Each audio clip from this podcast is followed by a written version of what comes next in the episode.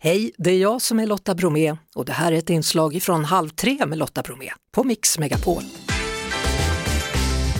Välkommen tillbaka till Halv tre, Niklas Svensson från Expressen. Tack, tack. Ja, nu har båda kvällstidningarna klarat av sina respektive partiledardebatter. Vem har stått och vem står som segrare? Ja, om vi tittar på vad tittarna har sagt efter de här två första debatterna så är det ju det blåa blocket. Eh, det är Ulf Kristerssons lag. Och eh, min uppfattning är nog att i båda de här debatterna så har vi egentligen inte sett något lag på den andra sidan.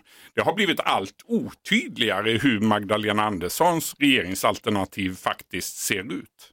Och igår kom det då först ett rykte att vänstern inte alls skulle kräva ministerposter men sen kom debatten och då skulle de ha en ministerpost. Ja, hon har varit väldigt tydlig nu, Nooshi Dadgostar, och hon har också upprepat det i Ekots partiledarintervju idag. Det är klara besked från Vänsterpartiet och det här ställer ju naturligtvis till det för Magdalena Andersson. En mardröm som Ebba Busch eh, sa i en av debatterna.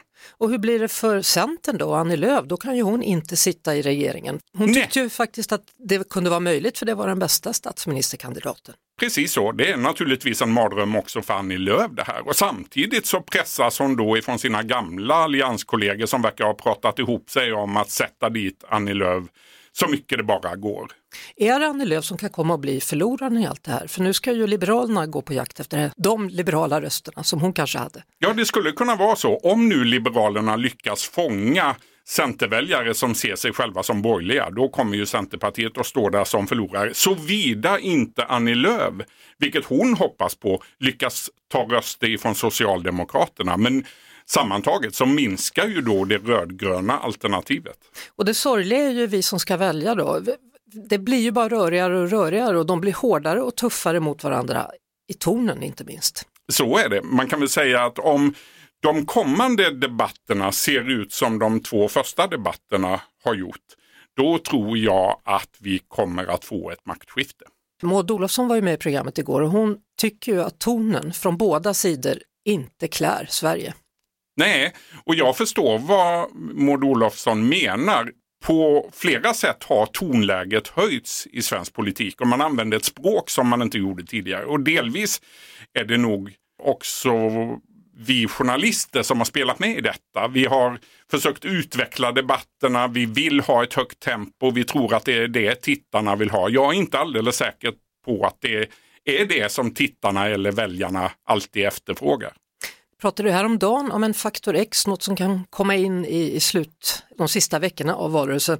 Ikväll kommer det ett reportage i Kalla fakta där det visar sig då att bland annat KD har sagt att det finns en möjlighet att ta emot pengar anonymt, vilket det inte gör om man passerar en viss summa.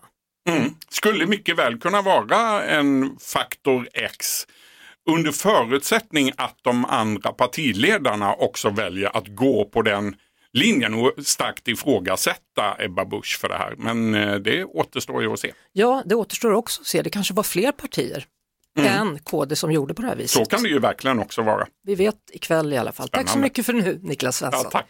Vi hörs såklart på Mix Megapol varje eftermiddag vid halv tre.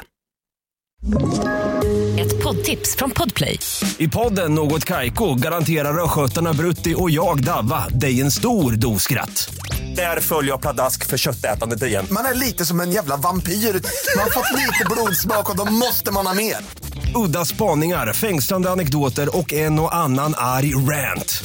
Jag måste ha mitt kaffe på morgonen för annars är jag ingen trevlig människa. Då är du ingen trevlig människa, punkt. Något kajko, hör du på podplay. Därför är gardinerna.